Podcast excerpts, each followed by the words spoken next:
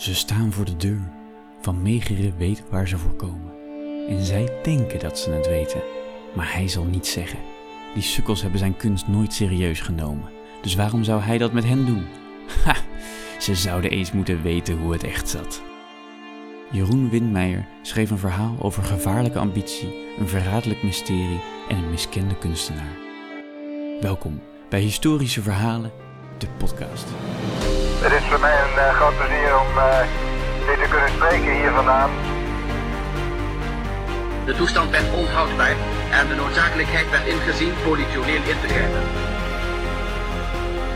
Ik verzoek u te geloven dat het niet anders kon.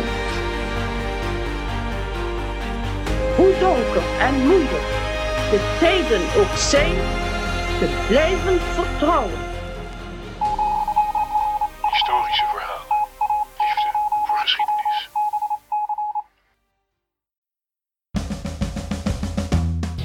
Welkom allemaal.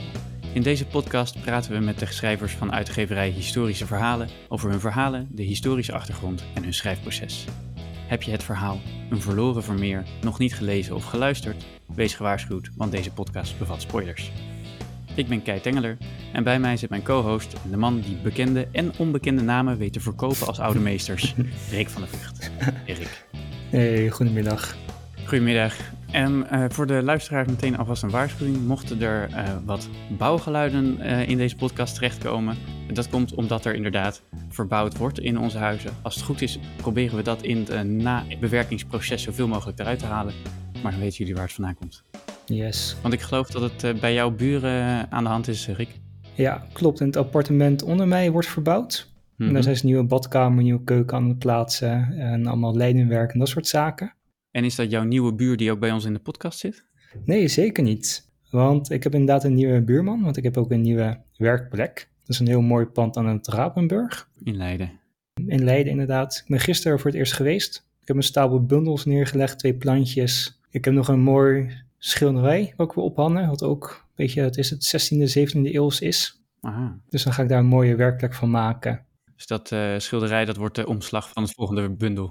Ja, het zou kunnen. Het is, het is wel, wel het type schilderij wat inderdaad ook omslagwaardig is. Ik kies dat natuurlijk niet voor niks uit in mijn huis en voor op de bundels. Dat is wel een persoonlijke eh, voorkeur. en op het kantoor heb ik dus hele leuke kantoorgenoten. Mhm. En een daarvan eh, zit bij ons in de studio. Ja, want bij ons zit Jeroen Windmeijer. Jeroen was al ons allereerste gast in deze podcast met zijn verhaal De Tempelreiniging, waarin een rechter probeert de waarheid te vinden in de verschillende en elkaar tegensprekende verhalen die in de Bijbel worden verteld over Jezus' woedeuitbarsting in de Tempel van Jeruzalem. Ik raad de luisteraar zeker aan om dat verhaal en interview nog eens terug te luisteren, nummer 1 A en B dus, want daar hebben we het uitgebreid gehad over zijn ontwikkeling als schrijver en wat de Bijbel en religie voor hem betekent. We gaan een stuk vooruit in de tijd, nu met Een verloren vermeer. Hierin lezen we over de miskende schilder Han van Meegeren, die na de Tweede Wereldoorlog wordt gezien als collaborateur, maar ook als verzetsheld, omdat hij Hermann Göring, de opperbevelhebber van de Luftwaffe, een bijzonder schilderij wist te verkopen. Wat was hier echt aan de hand? Jeroen neemt de lezer wederom mee in een zoektocht naar de waarheid en eindigt met een verrassende twist. Welkom Jeroen. Dankjewel. Het boek heet overigens niet Een verloren Vermeer, maar De Vervalste Vermeer. Kijk, Ik heb het geschreven als, eh oorspronkelijk als geschenkboekje voor mijn uitgever HarperCollins Holland. Mhm. Eh, rond de kerst kreeg alle relaties dat cadeau, eh, uitgeverijen, boekhandelaar en dergelijke. En dat viel eigenlijk zo in goede aarde dat we hebben besloten om het als een soort prequel opnieuw uit te geven. Met alvast de drie eerste hoofdstukken uit het boek dat in, op 3 oktober uitkomt. Mhm. De schaduw van Vermeer. En een klein interview met mijzelf. Dus het is een volwaardig boekje geworden. Eh, De ver- vervalste Vermeer. En ja, als je natuurlijk titels gaat allitereren, kom je snel bij Suske Wiske terecht. Dus eh, altijd een beetje mee oppassen. Maar dit, eh, deze titel dekte de lading goed. Ja. Dus eh, dan hebben we even eh, meteen een hoop informatie. We hebben het korte verhaal voor historische verhalen, een verloren vermeer. Oh, we sorry. hebben, Ja, ja, ja, we hebben, we hebben de prequel die je eh, voor een trilogie of een duo, eh, in ieder geval een, een meerdere boekenserie die eraan komt over Vermeer. En die prequel heet De Vervalste Vermeer. Sorry. Ja, je hebt gelijk. Ja, dat Nee, even, eh, het, het verhaal dat we hem even helder hebben, ja. klopt, klopt, klopt. Oké, maar hoe zit, hoe zit dat dan? Hoe verhoudt dit verhaal zich tot die eh, andere schrijfsels? Ja, ik, ik was in, eh, vorige zomer was ik in het Museum voor Valse Kunst. Het is in een klein dorpje Vledder in Drenthe. Mhm. Dat is een museum dat is begonnen door een echtpaar, een kunstverzamelaars-echtpaar. Hun verzameling was zo groot geworden dat het niet meer in hun huis paste. Dus zij dachten na over een oplossing hoe ze dat vorm konden geven. Ze waren een paar keer beetgenomen door ver vervalsters. Dus ze hadden vervalste schilderijen gekocht. Daar zaten ze ook een beetje mee in hun maag. Toen hebben ze eigenlijk een originele draai eraan gegeven. Toen hebben ze gedacht, we gaan een, eigenlijk een museum beginnen met vervalste werk. Oh ja, Eh, ze kennen nog meer, ja. eh, meer bevriende eh, kunsthandelaren die ook wel eens het schip in waren gegaan met een Picasso, met een Matisse. Vaak hingen de mensen dat niet aan de, aan de grote klok, hè, want je bent er toch natuurlijk beter genomen. Soms voor tonnen zijn mensen het schip ingegaan. En ze dachten, kunnen op die manier eigenlijk nog een leuke draai eraan geven. Toen kwam het voormalige raadshuis van Vledder kwam, vrij, stond te koop. Hebben ze dat gekocht en het Museum voor Valse Kunst zijn ze begonnen. Kunst met een glimlach noemen ze het. Natuurlijk een beetje een wrange glimlach. Eh, daarnaast hebben ze ook een ruimte voor eh, hedendaagse kunst, met name eh Drentse kunstenaars. En er is eh, veel eh, glas, of glas en keramiek, dus dat is dan allemaal wel echt origineel. Een, een museum voor boeren met kiespijn. Ja. en hoe ben jij daar terecht gekomen? Ja, ik was in de buurt een week aan het eh, logeren. Toen maakte iemand mij erop attent. Ik vertelde dat ik dus bezig was met eh, ja, Johannes Vermeer en met Han Vermegeren. Mhm. Toen zei ze, dan moet je zeker naar dat museum gaan. Er is een zaal gewijd aan Han Vermegeren. Eh, met ook origineel werk van hem. Maar ook natuurlijk aandacht geschonken aan het werk waar hij het meest eh, bekend om is geworden. Dat zijn zijn ver- vervalsingen. Dus het was een interessant museum. Het is, ik, ik heb dan ook me laten rondleiden door een eh, ja, suppost of conservator. Dat hele museum drijft eigenlijk op vrijwilligers.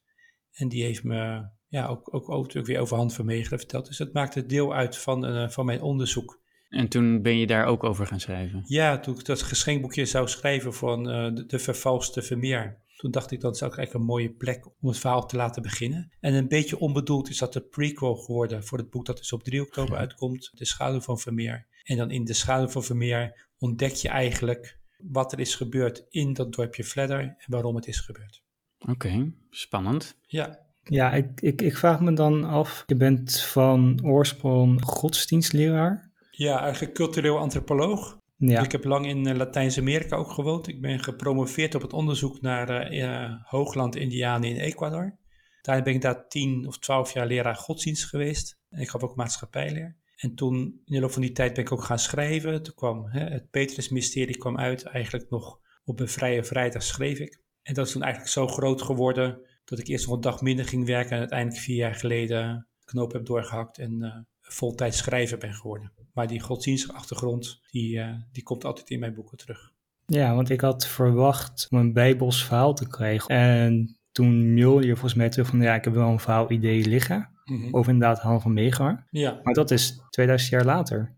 ja, klopt. Ik kom uit Delft oorspronkelijk. En het idee was dat ik, eh, ik denk in trilogieën. Ik vind het vaak prettig om eh, drie boeken rond één thema te schrijven. Er zit een rode draad door die drie boeken heen. Mhm. Ik kom uit Delft. Ik dacht, ik wil nu eh, boeken schrijven die, eh, die zich in Delft afspelen. Dan ga je natuurlijk nadenken over onderwerpen. Dan kom je natuurlijk bij, uit bij, het, eh, bij de Oranjes, bij het Koninklijk Huis. Daar gaat het tweede boek over. En ik, het eerste dacht ik, ja, Johannes Vermeer, dat is natuurlijk een van de beroemdste schilders die Nederland heeft voortgebracht. Die komt uit Delft. Dus ik dacht, dan wil ik daar, daar iets mee doen. Ja, als je een, thriller wilt schrijven, dan, wil je, zoek je ook nog een spannend element. Dus ik was ook altijd wel gefascineerd door Han van Meegeren. Mhm. Dus ik dacht, dan ga ik die twee met elkaar combineren. Dan drijf je daar iets verder af van, van, van de Bijbel en van de, van de Bijbelse thema's. Maar eh, toch ook weer niet, omdat in de tijd dat Jan Vermeer schilderde, toen was natuurlijk Nederland en Delft natuurlijk eh, protestants. Maar Jan Vermeer die, die werd katholiek om te kunnen trouwen met een katholieke eh, vrouw. En hij woonde in Delft in de zogenaamde Papenhoek. Dat was een vrij kleine wijk waar de, de katholieken woonden vlakbij de grote markt in Delft. En zijn buren waren de Jezuïeten. Hij stond daar op uh, heel goede voet mee, met name met één pater, Isaac van Meijen, zelf ook kunstschilder. En het grappige is, dat was eigenlijk een cadeautje dat me in de schoot werd geworpen. Ik heb zelf op een Jezuïetencollege gezeten in Delft. In mijn tijd woonden de paters ook nog in, een, in zo'n mannenbroederhuis op het terrein. En ik dacht, ik wil uh, mij hopen zo met een docent geschiedenis op die school, het Staanslascollege. Iets met Jezuïeten wilde ik doen. Ik wist nog niet wat het niet precies was. En toen begreep ik dat er een heel speciale band was tussen Johannes Vermeer en de Jezuïeten. Dus ik heb altijd, als ik ga schrijven, krijg ik vaak zulke cadeautjes in de schoot geworpen. bijna alsof ik een soort teken krijg dat ik op het goede spoor zit. Ja. Met ieder boek heb ik dat meegemaakt. Dan, dan ben ik blijkbaar met iets, leuks bij. Ja, dat klopt. Het heb ik iets leuks bij de hand. Dus daardoor begint het, ehm, het boek De Schouder van Vermeer begint ook dat men Hopenstad op bezoek is bij een Jezuïtische pater. Eh, die een boekje heeft geschreven, Johannes Vermeer en de Jezuïeten in Delft. En dat boekje bestaat ook, die pater Hmm. bestaat ook. Ik ben ook bij die pater op bezoek geweest, vlak voor zijn overlijden. En is dus een heel innige band en waarschijnlijk een veel grotere invloed van die Jezuïeten op het werk van Vermeer dan veel mensen weten en denken. En dat sluit dan weer aan bij de schilderijen die eh, Van Meegeren heeft eh, gemaakt. Precies, want Vermeegeren die komt natuurlijk, zijn eerste grote klapper die hij maakt is het werk de Emmausgangers. Dat is het, het verhaal waarin Jezus na zijn opstanding eigenlijk met twee mannen meeloopt. Hè? Jezus in zijn nieuwe gedaante als eh, opgestaande heer. Die loopt met twee mannen mee die op weg zijn naar eh, Emmaus, het dorpje Emmaus, vlakbij Jeruzalem. Eh, zij praten met hem. Jezus doet net alsof hij niet weet wat er is gebeurd. Dus zij vertellen allemaal nou, wat, voor, wat voor man Jezus was geweest. Dan gaan ze eten in een herberg en op het moment dat Jezus het brood breekt, zien zij plots, vallen de schellen van hun ogen en zien zij plots wie zij voor zich eh, hebben gehad. En Ja. dat was dus Jezus. Dan poef, verdwijnt hij ook. Hè? Dan, eh, dan is hij ook weg. Dus zij rennen terug naar Jeruzalem, naar de leerlingen van Jezus, om te vertellen dat ze hem hebben gezien. Dat is het verhaal de Emmausgangers. In dat schilderij van eh Han van zie je ook Jezus met dat, met dat brood, met die mannen daaromheen. En dat is, ik denk niet voor niks dat hij dat thema heeft genomen. Hè? Han van Meegeren heeft zich natuurlijk heel zijn leven miskend eh, gevoeld. Mhm. Je kunt zeggen, Hans van Meegeren, eh, eind 19e eeuw geboren, eh, een, een groot kunstenaar, denk ik. Hè? Hij kon ontzettend goed schilderen en tekenen. En tegelijkertijd ook een, een, een tragische figuur. Ze zeggen wel dat hij eigenlijk 100 jaar te laat is geboren. Want het werk waar hij mee kwam, hij kon prachtig tekenen, stillevens, eh dieren, landschappen. Maar dit is de tijd, hè, toen hij natuurlijk een jonge man was, dat is de tijd, ja, 1920, dan krijg je al eh, dat modernisme in de kunst, het cubisme, dan krijg je Picasso, Mhm. Mondriaan, De stijl was helemaal niet meer populair. Nee, hij was natuurlijk achterhaald. Hij, was, hij paste helemaal niet in die tijd. Dus toen hij eh, aansluiting probeerde te vinden in de, bij de kunstkring in Den Haag, ja, werd hij gewoon uitgelachen. Hij werd niet, niet serieus genomen. En het was voor hem extra pijnlijk, want hij, zijn ouders, vooral zijn vader, die was heel erg tegen een carrière eh, bij hem als, als schilder, als tekenaar. Het was zelfs zo dat als zijn vader hem als kind betrapte op het tekenen van, eh, of het schilderen, dan moest hij eh, tientallen, soms wel honderden keren schrijven: Ik kan niks, ik weet niks, ik ben niks. Nou, dat is motiverend. Ja. Ja, dus hij, zijn vader dwong hem dat hij zich inschreef in Delft bij de, toen nog de Technische Hogeschool voor de studie bouwkunde. Toen heeft hij nog een gebouwtje ontworpen wat nu in Delft staat, van eh, de Delftse Sport, een roeivereniging. Dat is het enige gebouwtje dat Han van Meegeren heeft ontworpen wat ook is gebouwd. Maar ja, het bloed kroop waar het niet gaan kon. En toen is hij toch, heeft hij zijn studie afgebroken, heeft hij toch voor dat kunstenaarschap gekozen. En daar werd hij dus ja, uitgelachen. Echt, echt belachelijk gemaakt. Toen is hij natuurlijk verbitterd. Heeft hij zich teruggetrokken in eh, Zuid-Frankrijk. En daar is hij zich eigenlijk vrij snel gaan toeleggen op het vervalsen van oude meesters. Dus eh, niet het naschilderen van werk natuurlijk, want daar, Mhm. je kunt, het heeft geen zin om het melkmeisje na te schilderen, want dat hangt nou eenmaal in het Mauritshuis. Maar hij wist dat kunstkennis eh, ging ervan uit dat eh, Johannes Vermeer bijvoorbeeld religieus werk had gemaakt in, eh, in het begin van zijn carrière. Maar dat ja, dat, want je zei net dat de Jezuïeten een sterke invloed hebben gehad op Vermeer. Ja. Maar dat kwam nog niet naar voren in de schilderijen die ze van hem kenden. Nee, eigenlijk heeft hij in het begin van zijn werk, heeft, eh, van zijn carrière, heeft Vermeer zijn eigenlijk drie, vier eh, schilderijen geweest met de religieuze thema's. Hè. Ja, Jezus op het op bezoek in het huis van Martha en Maria bijvoorbeeld. Dus kunstkenners vermoeden dat, er, dat Vermeer meer religieuze werken moest hebben gemaakt, want die verloren waren gegaan. En Van Heeft eigenlijk ingespeeld op die ijdelheid eh, van die kunstkenners. Eh, dus hij dacht, ik ga ook schilderijen maken met juist die Bijbelse thema's waarvan die kunstkenners vermoeden dat die er geweest moesten zijn. En ik denk dus dat hij expres heeft gekozen als eerste voor het werk de Emmausgangers, waarin de, die twee mannen niet beseffen de grootsheid van de figuur die zij voor zich hebben. en dat uh, Vermeer eigenlijk heeft willen zeggen, jullie hebben nooit beseft wie, jullie voor, Nee. wie er voor jullie stond. Dat was ik, een groot kunstenaar. Ja, dat is wel een prachtige steek terug. hè. Ja, en nu wil het verhaal hè, dat hij dat heeft aan Boymans van Beunen verkocht, het werk. Eh, Die hebben 500.000 gulden of 520.000 gulden daarvoor betaald. Een grootse, een grootse tentoonstelling eh, in 37 in Boymans, waarin dit het topstuk was. En uitgerekend de man, kunstkenner Bredius, die hem zo had belachelijk had gemaakt, die eh, stak de loftrompet over dit werk. eh, noemde het, het eh, misschien wat mooiste wat de Gouden Eeuw had voortgebracht. Ik weet niet of het nou een apocryf verhaal is, maar dat Vermeegeren het plan had gehad om naar voren te stappen. Of zelfs met een mes of fluiter te, te, te snijden en te zeggen van ik heb jullie allemaal te pakken, ik was het. Maar toen hij natuurlijk 500.000 gulden had verdiend, dacht hij van hé, hey, dat, dat, dat gaat goed. Ja, hij had een uh, luxueuze uh, levensstijl hè, met veel drank. verslaafd aan uh, morfinepillen. Hield een minnares op na. Een klein kasteeltje in Zuid-Frankrijk. Dus die inkomsten waren natuurlijk welkom. En, en, en, en eigenlijk genoot hij ook in stilte ontzettend ervan dat hij die, al die zogenaamde kunstkennis, dat hij die zo ongelooflijk te kak had gezet. En dat hij de enige ja. ook was die wist hoe dat zat. Ja. En dan krijg je natuurlijk later dat na de Tweede Wereldoorlog wordt ontdekt dat hij de vervaardiger van het werk is en niet uh, Johannes Vermeer. Toen stonden de kunstkenners opeens in een rij die allemaal konden uitleggen waarom het ook een waardeloos werk was. Ja, natuurlijk. Ja. Het perspectief klopte niet, de gezichten waren veel te vlak. Uh, je hebt een, de man die rechts in beeld is, die arm die lijkt niet aan zijn lichaam vast te zitten. Uh, de, de, de, spikkel, de witte spikkeltjes op het brood waar Vermeer bekend om stond, hè, waardoor het uh, alsof het glansde. Dat, waar, dat, dat, dat, was ook eigenlijk helemaal niks. Het was drie keer niks. Nou. en een, Godfried Bomans, hè, die nu een beetje vergeten is, maar in die tijd een bekend columnist was en komiek. Die zei eigenlijk is er iets heel iets raars uh, uh, gebeurd. Hè? Toen dat schilderij in, in het Boymans hing, toen stonden mensen tot aan buiten in de rij om het te zien. Iedereen vergaapte zich eraan. En zodra het bekend was dat het van Vermeegeren was, vond iedereen het niks. Hij ja. wat is daar gebeurd? Dus hij zei, het is, was een mooie schilderij. En van hem is dan de uitspraak, hè, we hebben weliswaar een Vermeer verloren, maar een Vermeegeren gewonnen. Het is gewoon een mooie schilderij. We vonden het mooi, het is mooi, alleen zit er een andere naam op. Ik heb natuurlijk al eens over nagedacht. Ik betrap mezelf daar natuurlijk ook op. Ik was een tijd terug in een ander museum, ik meen in uh, Krullenmuller. Daar liep ik door een zaal, ik liep langs een schilderij wat niet, ja, waar ik geen aandacht aan wilde uh, schenken. Maar toen viel mijn oog, zag ik op het plaatje dat het van Picasso was. Dan ga je er toch met een andere blik naar kijken. Ik deed twee stapjes terug en toen heb ik toch een paar minuten voor staan kijken. Terwijl als daar uh, Pietje Puk had op had gestaan, was ik doorgelopen. Dus uh, ja. zo'n naam doet ook iets met, met de bril waardoor je naar zo'n kunstwerk kijkt. Dus dat is, dat is natuurlijk een interessante kwestie. Is het dan opeens een slecht schilderij omdat Han Vermeegeren het had gemaakt? Dus daar, daar begon mijn, mijn, mijn fascinatie eigenlijk een beetje met Jan van Meegeren. Die is met dat schilderij begon. En eigenlijk daar is mee is doorgegaan omdat hij gewoon ongelooflijk veel geld ervoor kreeg. Ja. En toen hem later, hè, toen hij eenmaal betrapt was na de Tweede Wereldoorlog, vroeg, toen vroeg de rechter aan hem van, maar als u wist dat het vals was, waarom vroeg u dan van die bizarre bedragen ervoor? Hij zei, ja, maar als ik minder had gevraagd, zouden mensen vermoed hebben dat het niet echt was.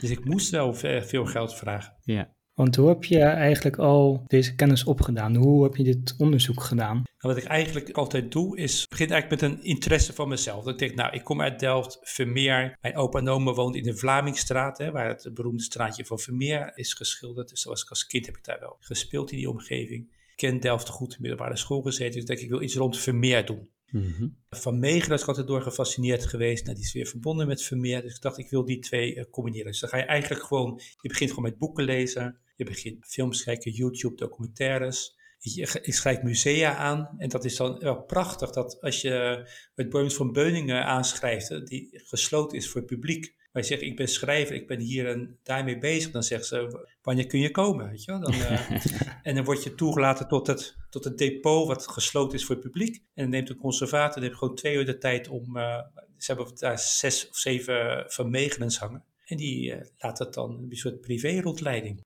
Nou, dat is wel heel gaaf. Of het Miljet Mauritshuis. En dan krijg je ook een privé-rondleiding van een Vermeerkenner... die gewoon ook een uur lang zijn kennis met jou deelt over die schilderijen die daar hangen. Ja. Wil je museumjaarkaart meenemen, maar verder... Ja, uh... natuurlijk eventjes inchecken, ja. inderdaad. Dat is, dat is weer één bezoeker. Maar de, de bereidwilligheid van mensen om je te helpen, die is echt uh, ontzettend groot. Ik ben ook naar het museum De Fundatie gegaan in Weijen, dat is bij Zwolle. Je hebt natuurlijk het grote museum De Fundatie in het, in het centrum van Zwolle, maar je hebt ook een, het kasteel, het Nijenhuis. Daar is de fundatie begonnen, het museum. En uh, daar, dat is wel een beetje een treurig verhaal ook, want de oude directeur, Dirk Handema van het Boymans van Beuningen, na de Tweede Wereldoorlog is hij uh, oneervol ontslagen. Hij uh, was uh, in, de, in, de, regering van Mussert was hij verantwoordelijk voor het museumwezen. Mm-hmm. dus het heeft ook natuurlijk aan hem gekleefd. Hè, dat hij, dat is weliswaar geen NSB'er, maar toch heeft hij in zekere zin toch gecollaboreerd met, met, met Mussert, laten we het zo zeggen. En hij was, hij was ook de man die verantwoordelijk was voor de aankoop van de Emmausgangers. Dat is natuurlijk een enorme smet op zijn blazoen geweest. Hij werd uh, alom gerespecteerd. Ook daarna nog wel hoor, als een kunstkenner en uh, ja, groot expert. En hij heeft tot aan zijn sterfbed volgehouden dat het wel degelijk een Vermeer was. Terwijl Vermeer al lang had toegegeven dat hij het had gemaakt. Maar hij heeft zich toen teruggetrokken en hij, is toen, uh, hij heeft de leiding gekregen over de, het museum, het kasteel uit Nijenhuis. Die is als een bezetende 17e-eeuwse kunst gaan aankopen. Waaronder 13 schilderijen, waarvan hij als enige ter wereld ook tot op zijn sterfbed heeft volgehouden dat het Vermeers waren, nog onontdekte Vermeers. Dus die hangen in kasteel het, het Nijenhuis. En dat is nog steeds dat uh, steeds andere, kenners, andere kenners zeggen nog steeds niet dat zijn Vermeers. Ja, want dus hij hangt ook werk van Van Meegeren bij, die heeft toegegeven dat hij dat was. Maar het hangt ook werk tussen wat zo vreemd is aan het werk van Vermeer, een stilleven van een vis of een uh, landschap met een uh, jacht, uh, jachtgezelschap, waarvan zelfs ik, terwijl ik ben geen, niet direct een kunstkenner, ik heb nu wel het werk van Vermeer een beetje leren kennen, maar zelfs ik kan in één oogopslag zien dat dat, dat, dat geen Vermeer is geweest. Ja. Dus dat is ook weer een tragische figuur, die man. Ja. Het schijnt ook dat, dat mensen die hem om een rondleiding vroegen, dat die soms bijna smeekten om, om naar huis te mogen. Maar ze mochten eigenlijk pas naar huis als ze met hem eens waren dat het toch echt wel, of in ieder geval mogelijk een Vermeer was. Dan pas deed hij de deur van het museum weer open en mochten ze naar huis. En daar hangt onder andere schilderij Christus en de overspelige vrouw. En dat schilderij speelt een grote rol in mijn boek. Ik ja. laat dan mijn verhaal beginnen in het Museum voor Valse Kunst, waar zogenaamd een, speciale tentoonstelling is gewijd aan Han van Meegeren, en waar dan zogenaamd, heb ik natuurlijk verzonnen, het schilderij Christus en de overspelige vrouw hangt. Nou, dat wordt met veel geweld gestolen. Dat blijkt dan in dat eerste boekje, De Vervalste Vermeer. En dan in de schaduw van Vermeer wordt duidelijk waarom iemand dat werk zo graag wil hebben en zelfs bereid was om geweld te gebruiken om dat schilderij te stelen, waarvan iedereen weet dat het een schilderij van Vermeer is geweest. Precies, ja. En dat schilderij heeft ook weer een bijzondere geschiedenis, uh, want dat is uiteindelijk de ondergang geworden van Han van Meegeren. Dat schilderij heeft hij in, waarschijnlijk in 1943 gemaakt. Via via heeft hij het weten te verkopen aan uh, Herman Keuring, hè, dus de opperbevelhebber van de Luftwaffe, Mm -hmm. die daar de som van 1,7 miljoen gulden voor over had. Hè. Voor euro's moet je dat tegenwoordig ja, vertienvoudigen waarschijnlijk. Vermegen had ook zoveel geld, hij was dat op een gegeven moment wel 100 panden in Amsterdam. Ah, hij gaf het ook uit dan. Hij gaf het uit, ja. Hij wist zelf niet eens meer hoeveel huizen hij had. Hij had ook zoveel koffers met geld dat die, die natuurlijk niet naar de bank kon brengen, maar die hij dan in zijn tuin begroef. Hij had zo echt een drankprobleem, dus soms was hij ook zo dronken dat hij ook niet meer goed wist waar hij die dingen had begraven. Maar toen natuurlijk Geuring werd gearresteerd, toen zijn, uh, is een bepaalde compagnie die vooral op zoek was naar verloren kunst, had de tip gekregen in dat kasteeltje van Geuring dat daar nog meer kunst verstopt lag en met name een bepaald werk van uh, Johannes Vermeer, Christus en de overspelige vrouw. Ja. Dat vonden ze in het kasteel. Hij had het weggegeven aan een dienstmeisje Geuring. En zo konden ze via die koopactes kwamen ze uit bij Han van Meegeren. Dus die werd in het najaar van 45 werd hij gearresteerd. Eh, want uh, we willen graag van u weten, ja, weet u van collaboratie beschuldigd. Hij werd vastgezet. U heeft nationaal erfgoed verkwanseld uh, aan, aan, aan de Duitsers. En we willen weten hoe u er überhaupt aan bent gekomen. Nou, hij hield de kaken stijf op elkaar. Heeft wekenlang hebben ze hem tevergeefs verhoord. En toen gaven ze het eigenlijk op. Ze zeiden, nou, dit, uh, het houdt op. nu gaan we het, het, het, proces beginnen. En dan, nou ja, de tijd stond de kogel in principe op, hè, op collaboratie. Dus toen... Maar dat is ook wel bijzonder. Want je zou denken dat... Hij was natuurlijk heel lang, heeft hij dat geheim gehouden. Heeft hij ervan genoten dat hij iedereen in de luren heeft gelegd. Mhm. Mm -hmm. Maar ik kan me ook voorstellen dat het voor hem het uitgelezen moment is om dan uh, te zeggen, haha, uh, kijk, uh, ik, ik heb het vervalst. Kijk, het probleem is natuurlijk dat je vervolgens berecht wordt. Dat, dat is misschien niet helemaal Precies. waar je op zit te wachten. Nee, nee precies. maar toen heeft hij, toen hij natuurlijk uiteindelijk, zou hij door de kogel, of de, de, dat was een vrij waarschijnlijke uitkomst van het proces dat hem dan te wachten stond. En toen heeft hij gezegd, luister, ik heb het zelf gemaakt. Ja. En dat was de enige manier waarop hij nog zich het vegenlijf kon redden. Ja, ze geloofden hem natuurlijk niet. En toen zei hij, nou sluit me maar op in een atelier. Geef me drie weken. Geef me schilderspullen. En dat hebben ze gedaan. En toen heeft hij onder toezicht ogen van getuigen, heeft hij Christus als twaalfjarige jongen in de tempel heeft hij geschilderd. Een groot doek, waarin Jezus hè, op zijn twaalfjarige leeftijd alle, alle geleerden verbaasd laat zijn over zijn fenomenale kennis van de Bijbel en de uitleg daarvan. Heb je ook een, uh, een, een, bewust gekozen Ja, denk ik tafereel. wel. Dat, je, ja. dat, dat hij is natuurlijk die, die twaalfjarige Jezus die, die mensen uh, ja, verbijsterd laat zijn over zijn uh, talent. En toen hij klaar was, toen, toen geloofden ze hem. En toen veranderde, toen uh, was er dus niet meer collaboratie, maar toen sloeg ook de sfeer in Nederland opeens om. Want eerst was er nog uh, was een heel belastend feit, werd er nog tegen hem gevonden, dat in uh, Berlijn, in de bunker, meen ik, werd, een boek gevonden van Vermegen dat hij aan Hitler had geschonken. En daarin stond een opdracht aan, aan de Führer opgedragen, dit boek, uw Han Vermegen, zoiets.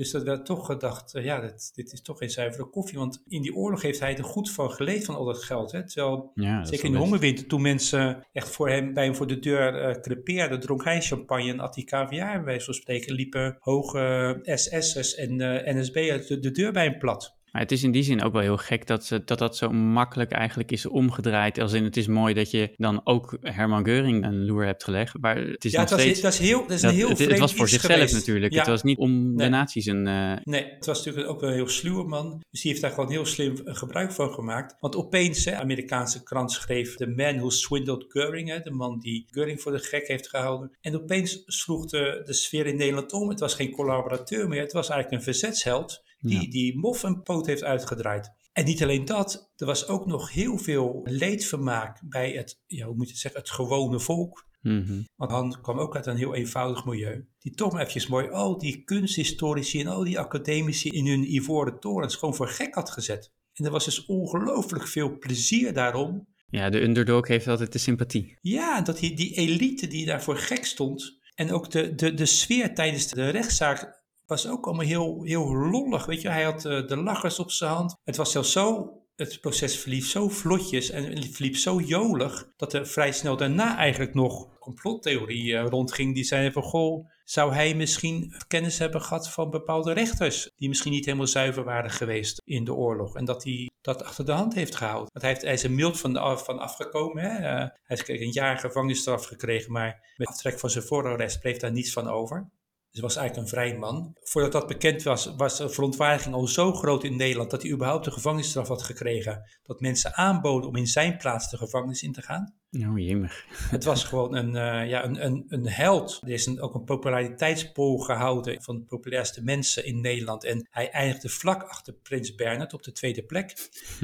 Dat is ook omgeslagen in de loop der tijd. Ja, die zouden misschien eh een stuitje hebben gewisseld. Maar dat, dat is ook omgeslagen. En eigenlijk dat, ik krijg je vrij tragisch. Hè? Hij, hij had natuurlijk een zware roker, alcoholist, morfine verslaafd. Vrij snel na het vonnis wordt hij opgenomen in de Valerius eh, eh, kliniek. En binnen, geloof ik, 1, 2 weken komt hij te overlijden, 54 jaar oud. Maar het tragisch vind ik dus zelf dat als hij niet dat vervalste pad had gekozen, had hij gewoon een heel goede boterham kunnen verdienen als, ja, als kunstenaar. Er was een markt Ja. voor, zijn, voor zijn werk, voor mensen als hij.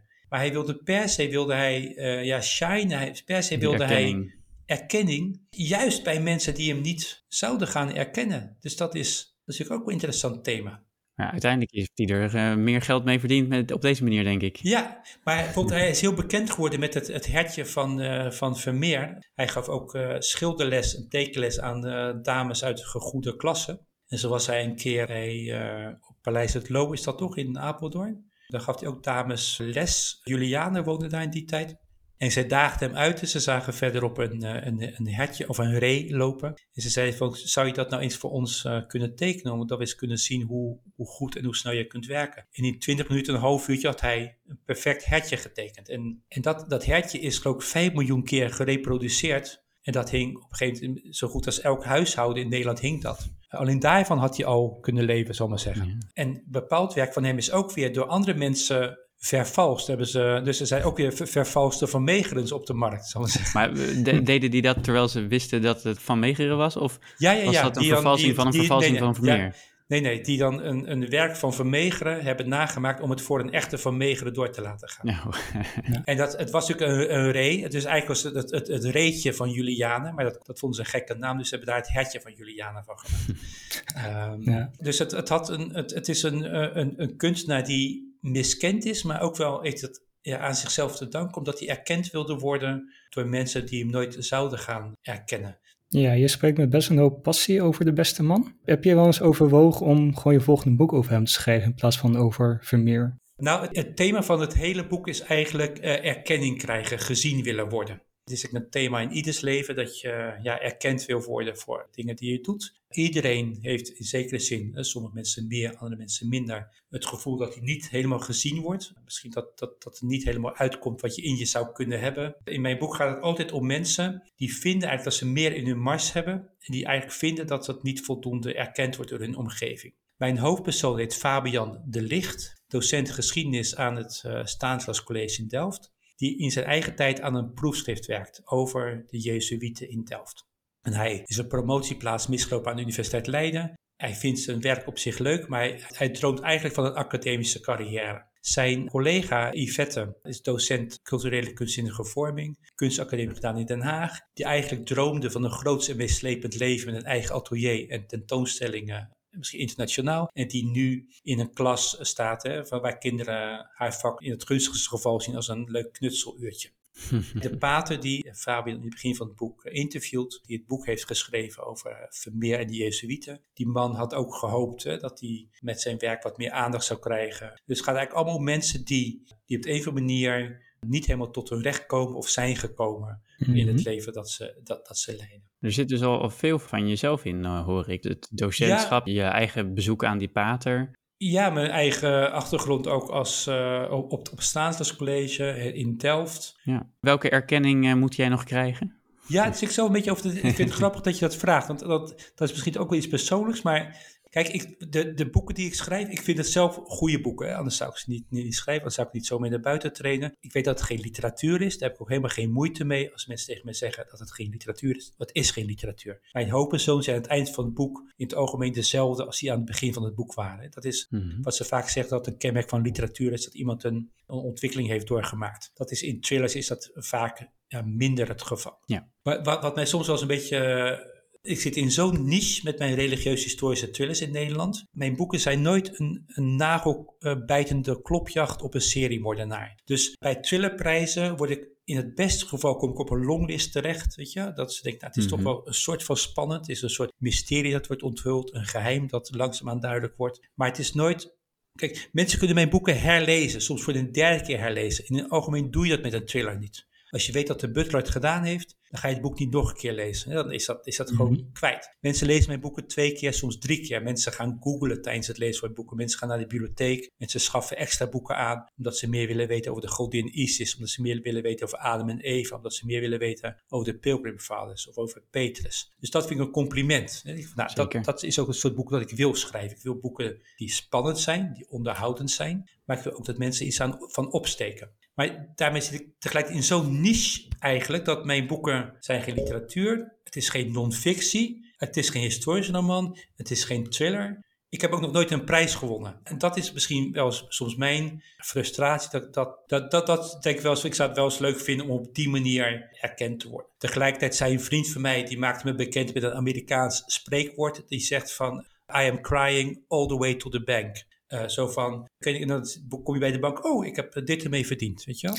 Uh, dan heb je een grote glimlach. Ik bedoel, ik heb vier jaar geleden mijn baan kunnen opzeggen als leraar. Ja. Ik kan leven van de opbrengst van mijn boeken. Ik houd lezingen, ik geef schrijfcursussen. Daar zijn in Nederland misschien maar enkele tientallen van. Dus ik tel mijn zegeningen. Dus ik moet voor, voor mezelf erkennen. Aan de ene kant heb je het soort boek waarmee je de Gouden Strop wint. Waarmee je de Herman Twillerprijs wint. Dat zijn deze boeken. En hier heb je boeken zoals ik schrijf bij mij komt toch sluit altijd die Bijbel weer naar binnen. Of toch een stuk geschiedenis. Of, uh, Mooi. Dus ik denk dat ik gewoon ermee moet gaan leren leven. Dat ik heb een hele trouwe schare lezers. Ik heb er onwijs veel plezier in, weet je. Ik ga nu schrijven over het, uh, de Oranjes in Delft. Ja, ik, ik, denk dat we dat heel erg herkennen hoor. Bij historische verhalen zitten we natuurlijk ook in korte verhalen. Is ook een niche waar niet veel wordt gelezen of niet veel prijzen zijn. En als die er zijn, dan is het vaak voor fantasy. Ja. Dus ik denk, eh, tenminste, als ik even naar Rick kijk, eh, volgens mij is dit een herkenbaar gevoel. Ja, maar ik ben dus niet gefrustreerd. Ik, ben, bedoel, ik, ben, ik ga met heel veel plezier naar mijn werk. Ik, ik doe alles met heel veel plezier. Maar soms zou je als bijvoorbeeld afgelopen Herman Twillerprijs, dat ik op de shortlist bij de laatste vijf boeken, dan zit je op dat podium En dan begint het, eh, het jury van nou, de winnaar hè, heeft een eh, prachtige mix tussen feit en fictie. En dan, dan, dan voel je zo een Nee, beetje van nou jongen, ja. en dan denk je, oh, was het toch iemand anders. het zou toch een keer leuk zijn. maar goed, het is, het is Ja. gewoon niet anders. Dus, maar ik ben echt een gelukkig mens. Ik, ik ben gezegend. Ik krijg hier op mijn kantoortje regelmatig mensen op bezoek. Hè. Die schrijven allemaal een keertje langskomen. Ik schrijf ook. Wil een beetje weten hoe ik dat doe, of ik dat heb gedaan. Er zijn mensen met een baan erbij die s'avonds schrijven, die het weekend schrijven. Ik zie mezelf door hun ogen en ik weet, zij kijken naar mij en denken, ik heb het leven hè, dat zij waarschijnlijk zouden willen hebben. Gewoon de hele dag kan ik schrijven. Als ik tegen mijn uitgever zeg, ik wil nu een boek schrijven over de fake maanlanding, dan zeggen ze, top. Weet je wel, dan kan ik daarmee aan de slag. Dus eh, kijk, uiteindelijk wat ik nu doe is alleen vol te houden als je het gewoon, als je het intrinsiek leuk vindt. Dat je een boek in de winkel ligt, dat is echt fantastisch. Dat wij dit gesprek hebben, dat, dat, dat ik een interview in de krant krijg, dat is allemaal echt geweldig. Maar elke dag hierheen gaan, soms voor de achtste of negende of soms voor de tiende keer door je manuscript heen gaan. Het is alleen vol te houden als, het je, als je het niet alleen om het te publiceren doet, zal ik maar zeggen. En op het, Ja. of het beroemd worden of het bekend worden. Want hoe gaat het eigenlijk dan nu nog bij jou? Je bent nu vier, vijf jaar, zei je, dat je fulltime schrijft. Ja, in januari Komt, vijf komt jaar. de klat er een keer een beetje in of ben je altijd gemotiveerd? Nou, nee. nou, ik heb afgelopen eh, jaar persoonlijk een eh, wat, wat moeilijke periode gehad. Mijn vrouw en ik zijn een, na 21 jaar uit elkaar gegaan. En dan merk je wel dat, dat, ehm, dat, dat je ook wel rust in je hoofd en je hart nodig hebt om te kunnen scheppen. Mhm. Mijn houvast was wel om naar kantoor te gaan. Ik was even goed om 8 uur of 9 uur 's ochtends hier. Ik ging naar huis. Als ik nu erop terugkijk, ik heb eigenlijk zes maanden, zes, zeven maanden eigenlijk niets gedaan. Het boek van Vermeer heeft eh, volkomen stilgelegen. Terugkijkend weet ik ook niet goed wat ik heb gedaan in die tijd. Ik denk dat ik heb gelezen, mails heb beantwoord. Ik geef een schrijfcursus, daar ben ik tijd aan kwijt geweest. Dus dan merk je wel dat eh, als het persoonlijk niet, niet goed gaat, dat het onmiddellijk zijn eh, weerslag heeft op het creatieve eh, proces. Tegelijkertijd is dat ook wel weer mijn houvast geweest om niet. ja, ik dacht, als ik, als ik niet om zeven uur opsta, ik ga hier na, niet hier naartoe, dan, ja, dan blijf je natuurlijk in je bed liggen en dan... Kijk, er is niemand die op kantoor die mij gaat bellen, waar blijf je? Hè, als, Nee. dan blijf ik een maand weg. En als ik tegen mijn uitgever zeg, het lukt niet de deadline met een half jaar uit te stellen, ja, ze weten ook dat ze geen boek van mij kunnen krijgen als ze een pistool tegen mijn hoofd zetten, weet je. Het is Hm. gewoon, het is wat het is. Is dat niet eh, eenzaam dan soms? Ja, nou zeker. Wat wel jammer is op dit kantoor. Kijk, het idee was eh, om niet thuis te werken, dat je een beetje scheiding hebt tussen werk en privé. S ochtends wandel ik hier naartoe, 20, 25 minuutjes lopen. En dan wandel ik 's middags weer terug. En hier, voor coronatijd, liepen hier wat 10, 12 mensen rond. Eh, sinds coronatijd werken die mensen allemaal thuis. Dus vaak spreek ik de hele dag door niemand. Kijk, op Facebook denken mensen dat ik van hot naar her ren en dat ik, eh, dat, dat ik nauwelijks tijd heb om te lunchen, zal ik maar zeggen. Maar in de praktijk ben ik vaak heel erg in mijn eentje. En dat kan ik goed, hè. En ik kan ook goed werken. Daarom kan ik ook wel 2000 woorden per dag schrijven of meer. Doe ik dan meestal 's ochtends en 's middags ga ik dan weer studeren of praktisch werk doen. Maar dat is natuurlijk altijd, je hebt enorme vrijheid en dat gaat natuurlijk altijd gepaard met een zekere eenzaamheid. Of je hebt natuurlijk die geborgenheid of de vastigheid van een vast contract. En daar zit weer een zekere benauwdheid, kan er ook weer zitten. Daar probeer ik ook samenwerkingsverbanden aan te gaan. Daarom zijn ook altijd mensen welkom als ze een kop koffie willen drinken. Als ze een keertje met mij over schrijven willen praten. Ik wandel vaak wel tussen de middag. Dan probeer ik wel met mensen die ook thuis werken. Dus dat we elkaar een beetje uitlaten als het ware. Ehm, dus dan probeer ik het wel een beetje af te wisselen. Maar uiteindelijk sta je natuurlijk wel alleen voor. Ja, dat is wel waar.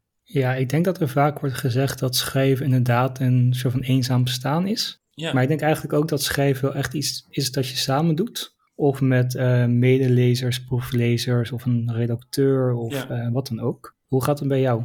Nou, ik werk niet met proeflezers, want daar, daar zou ik voor mij helemaal niet goed van worden. Want wat de een mooi vindt, vindt de ander niet mooi. Dan denk je, ja, wat moet ik nou? Dus ik, ik schrijf het en ik geef het dan eigenlijk aan mijn redacteur. Daar komt het op neer. En dan, met haar ga ik alleen eh, aan de slag. Maar ik geniet heel erg van, dat, van het creatieve proces. Ik geniet heel van de onderzoeksfase. Het schrijven vind ik heel leuk. Daarna de eerste keer herschrijf ik ook nog heel leuk. En daarna de derde keer en daarna, zal ik maar zeggen, dat, dan gaat het echt richting ja, werk. Want ik meer als werk ga ervaren. Dan moet ik me soms echt motiveren eh, om, om me eraan aan te zetten. Op een gegeven moment zie je natuurlijk ook fouten niet meer. Je kunt ook, als het boek uit is, kun je totaal niet meer inschatten of het spannend is of onderhoudend is. Omdat je het zo vaak gezien hebt. Het boek komt gewoon echt je neus uit. En dan ja, weet je gewoon eigenlijk niet meer hoe goed of slecht het is wat je hebt geschreven. Maar twee eh, redactierondes, dat is niet heel veel. Eh, ik eh, Nee, nee. ken er genoeg die er twaalf hebben Nee, ze een keer ik zal maar zeggen, ik krijg het terug van mijn redacteur. En dat, dan ben ik nog, ik zeggen, twee maanden bezig om dat er weer goed te krijgen. Mhm. En dan gaat het nog een paar keer heen en weer. En dan zijn er kleinere dingetjes. En dan gaat hij de eindredacteur, krijgt twee keer van terug. En dan krijg je het terug van de persklaarmaker. Maar dan gaat het op een gegeven moment over punten en komma's en over Ja. of iets vet gedrukt moet of niet. Of, nou ja. Want hoe ziet dat commentaar de eerste keer eruit? Gaat dat dan over het plot of over personages? Gaat het zo diep of is dat, hey, deze alinea kan beter weg of iets? ja, of dit hoofdstuk kan beter weg. Ja. Kijk, als ik iets inlever, dan zijn het zo 140, 150.000 woorden. En dan de uiteindelijke versie, daar zijn maar zomaar 30.000 woorden uit weg. Weet je wel? Maar ik natuurlijk vrij snel schrijf, is het niet zo. Met 30.000 woorden zijn we, wij van spreken, twee weken werk kwijt. Dus eh, best een eh, hoog tempo. Ja. Ja, ik heb er niet een half jaar aan gewerkt. Dus ik, ik doe ook vrij makkelijk afstand hè, van alinea's of van hoofdstukken. Ik heb nog wel eens de neiging. In het Paulus Labyrinth zaten, zaten zes, zeven pagina's over de aartsengel Gabriel. Vond ik heel erg leuk om daarover uit te wijden. Maar ja, omdat mijn hoofdzoon in een achtervolging verwikkeld zat, onderbrak dat het verhaal. nogal. dus dat is in zich heel verdwenen. En dat dat mis je natuurlijk ook niet. Dat, en, en, en dus mijn redacteur is daar heel streng op. Tegelijkertijd, ik weet altijd waar mijn verhaal begint en waar het eindigt ongeveer. Ik heb drie, vier maanden onderzoek gedaan, dus ik heb zo 100 of 150 pagina's aan aantekeningen. Maar ik begin gewoon met hoofdstuk 1, ik begin met hoofdstuk 2, dan ga ik naar hoofdstuk 3, zonder echt plan wat dat betreft. Bij bijvoorbeeld het EVA-complex wist ik pas op bladzijde 300 wie de dader was. Oké. Ik had drie verdachten op het oog. En bij bladzijde 300 dacht ik, die heeft het gedaan. Kijk, in de tweede versie ga je die persoon verdacht gedrag laten vertonen. Maar zou ik het voor mezelf spannend. Ik heb één keer geprobeerd een boek te maken. Met het- alle hoofdstukken had ik in twee, drie zinnen alvast uitgeschreven. In hoofdstuk 2 verzon ik iets leuks. Dacht, oh, dat kan niet, want dat moet in hoofdstuk 13 moet dat gebeuren. Dat ik nog echt met lange tanden hoofdstuk 3 zit te schrijven. Dacht, ja, hier vind ik gewoon echt helemaal geen, echt niks aan. Dus ik heb alles weggegooid. Schema weggegooid. En Opnieuw. gewoon opnieuw begonnen. Dus voor mij is het, eh, het schrijven is ook spannend. Ik, ik word soms ook verrast door de keuzes die de hoofdpersonen maken. Hè. Eh, de mensen die niet schrijven vinden dat soms gek. Hè. Die zeggen van, goh, jij bent toch de baas, jij bent de god van het universum. Maar mijn ervaring is, dat op een gegeven moment eh, krijgen je hoofdpersonen komen als echt tot leven. En dat is niet zo esoterisch als het klinkt. Het is eigenlijk vrij logisch, omdat bij een bepaald karakter, er horen bepaalde beslissingen bij. Als je een persoon een zeker logisch of voorspelbaar gedrag wil laten vertonen. Dus op een gegeven moment gaat je hoofdpersoon links, terwijl je misschien rechtsaf had willen laten slaan. En komt dat uiteindelijk ook beter uit. Dus je bent niet helemaal de baas over je verhaal. Mijn ervaring is ook dat er een verhaal heeft een soort interne dynamiek. En ik word er steeds beter in om die dynamiek te volgen, om de, de loop, de stroom van dat verhaal te volgen. Ik heb tot nu toe ook nog niet echt een writersblok gehad, behalve dan om persoonlijke redenen, maar nooit door het verhaal zelf. Mensen die niet schrijven, die denken dat is een soort vaag, interessant doenderig eh, gepraat. maar dat is het echt niet. Als schrijver heb je sowieso veel minder eh, vrijheid dan je denkt te hebben. Want in verhalen mag bijvoorbeeld de rol van het toeval niet te groot zijn. Dan eh, is het al gauw niet meer geloofwaardig. Dat haken mensen af. In het echte leven gebeuren zo ontzettend veel toevallige dingen. Ik bedoel, ik heb een kantoorgenoot hier en die, die, die kent jou weer. Ik bedoel, de kans Ja. is, is, is klein. Maar als dat stel dat, dat het feit dat jullie elkaar kennen, dat in mijn boek een belangrijk onderdeel van het plot zou vormen, zouden mensen denken van ja, dat is wel eh, heel, eh, Heel toevallig. toevallig, weet je wel. Ja. Dus de, de rol van het toeval mag, mag, mag niet te groot zijn. En wat wij ook op moeten letten is dat in je boeken moet de hoofdpersoon in, in het algemeen wat rationeel gedrag vertonen. Dat moet een beetje voorspelbaar zijn. Terwijl in het echte leven doen mensen heel erg domme dingen. Ja. Doen mensen heel erg irrationele dingen. Ja. Maar als iemand in een boek dat doet, ja, dan haken mensen af. Denk je, hoe kun je nou zo dom zijn? Weet je, waarom zou je bij die man blijven als hij dit of dat? Of waarom ga je toch dat, dat, dat donkere huis binnen, eh, terwijl je weet dat daar misschien een seriemoordenaar zit? Ja, als je natuurlijk wegloopt, heb je geen spannend verhaal, zal maar zeggen. Maar Nee. wat ik wil zeggen is dat als je toch dat donkere huis ingaat, dan moet je de lezer eventjes een verklaring geven. Want dan, moet, die moet hij per se moet hij iets halen wat hij per se nodig heeft, want anders. Dus hij moet wel, hij kan niet weglopen. En daarom in het boek als de mijne, er komt altijd een moment waarop iemand zegt, we kunnen de politie niet bellen, want dan. En dan moet er een verklaring worden gegeven die een soort van geloofwaardig is. Dan ontdekken ze dat ik, hoe kan ik anders verklaren? En dan dat de lezer denkt, oh ja, ik snap wel dat je, je Ja. vindt een lijk, je belt niet 1 en 2. Ja, oké, nou vooruit. Normaal gesproken, je vindt een lijk, je belt 1 en 2. Nou, dan is je verhaal na je boek de anderhalf is je bladzijde verhaal afgelopen. klaar. Ja, of als de politie te redelijk is en ze zeggen van, oh ja, nee, ik, ik snap Ik wel snap de... ja, ik precies, snap ja. het, ja. Dus dan, iemand moet natuurlijk een beslissing nemen waardoor hij eigenlijk in steeds grotere problemen komt. Ja. Die vrij makkelijk had kunnen worden voorkomen als hij gewoon meteen de politie had gebeld. Maar dat kan niet, er moet iets in de weg staan. En je moet altijd je lezer net even een stapje voor zijn. Dat de lezer denkt, oh ja, ik snap wel dat je dat niet doet. Rick, heb jij een favoriete passage uitgekozen uit dit verhaal? Ja, dat heb ik gedaan. Maar het gras is ook een beetje voor mijn voeten weggemaaid. Oh, sorry. Ehm, ik had het fragment gekozen en dat Han zegt, sluit mijn drie weken op in een atelier en ik schilder een vermeer voor jullie. Mhm. Dat vond ik een, De crux van het verhaal. ja, en ook een heel tekenend passage. Zeg maar, een stukje arrogantie zit erin, een stukje kunde, want hij kan dit. En hij zegt, nou, kom maar op, ik ben hier en ik ga het even laten zien. Dus ik vond dat het in één zin eigenlijk heel veel zegt over het personage. Dat vond ik heel kunstig gedaan. Ik had nog een ander geselecteerd, die gaat als volgt. Ik heb in het verleden wel wat primitiever verkocht, zei Van Meeger, als u tenminste weet wat dat zijn. Ook daar zit ook dat, dat arrogant in, dat hooghartige. Ja. En dat zijn hele Ja. mooie maniertjes om inderdaad zijn personage neer te zetten en iets te zeggen over zijn persoonlijkheid. Ja, en tegelijkertijd heeft hij natuurlijk ook een zeker recht om dat te zeggen. Ja. blijkt klopt, dan. klopt. En wat was jouw eh, mooiste zin, Kai? Mooiste fragment, favoriete fragment? ja, ik had er nu favoriete passage van gemaakt. Ik dacht, ik, ja, ik laat die hele zin al achterwege. Maar ik heb ehm, ook die eh, zin die jij als eerste noemde Ah. overwogen. Maar ik dacht, die eh, neemt Rick vast al, dus ik neem wel iets anders. Hmm. Ik heb... Het was een bejaarde weduwe die achter de rug van haar kinderen en kleinkinderen om het schilderij wilde verkopen, vertelde Van Meegeren over de herkomst van een schilderij. Pas na een heilige belofte van strikte geheimhouding mocht ik het voor haar kopen. En die belofte ben ik niet van plan nu te breken. Ik heb ook mijn eer. Een man een man, een woord een woord. Mijn ja is ja, mijn nee is nee.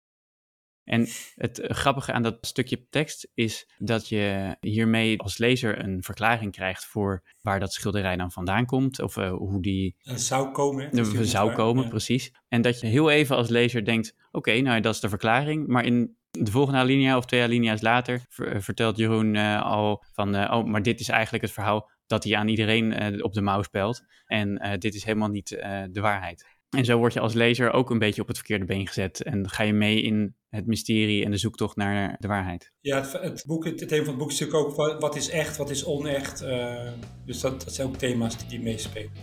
Jeroen, heel erg eh, bedankt voor dit Ja. gesprek. Eh, Tijd is bedankt. voorbij gevlogen. Voor, ja, de tijd is voorbij gevlogen. We hebben een prachtige lezing gehad over de geschiedenis van Vermeer en Van Meegeren. De prequel is dus al uit, Ja. over onder andere Van Meegeren. Wanneer komt het boek uit? Op 3 oktober komt De Schaduw van Vermeer uit. En dan vrijdag 6 oktober is dat, meen ik, is dan de presentatie in het Vermeercentrum eh, in Delft aan de Voldersgracht. Oké, en je bent een Leidse auteur, maar omdat het in Delft afspeelt, was 3 oktober toch een optie. eh, nou, niet Ja, tijdens Leiden ontzetten. De uitgever komt natuurlijk uit Amsterdam, dus heeft daar geen rekening mee gehouden. Ik Maar heb geen idee. Nee, nee, nee. Oké, nou, we zijn eh, benieuwd. Dankjewel. Luisteraars, vergeet ons ook niet te volgen op Twitter, Facebook, of tenminste historisch gezien Twitter, Facebook, Instagram. Abonneer je op deze podcast. Als je dat nog niet gedaan hebt, laat een review achter. En mocht je ons willen steunen, niet te vergeten, dan kun je terecht op petjeaf.com slash historische verhalen om historische vriend te worden. Voor slechts 3 euro per verhaal. Wij zijn in ieder geval heel dankbaar als je daar het overweegt. Ja, een, een historische dank zou ik willen zeggen. Nou, klinkt goed. Ja, heren, een hele fijne middag nog Yes. Dankjewel. en tot de volgende keer. Doei. Hoi. Doei.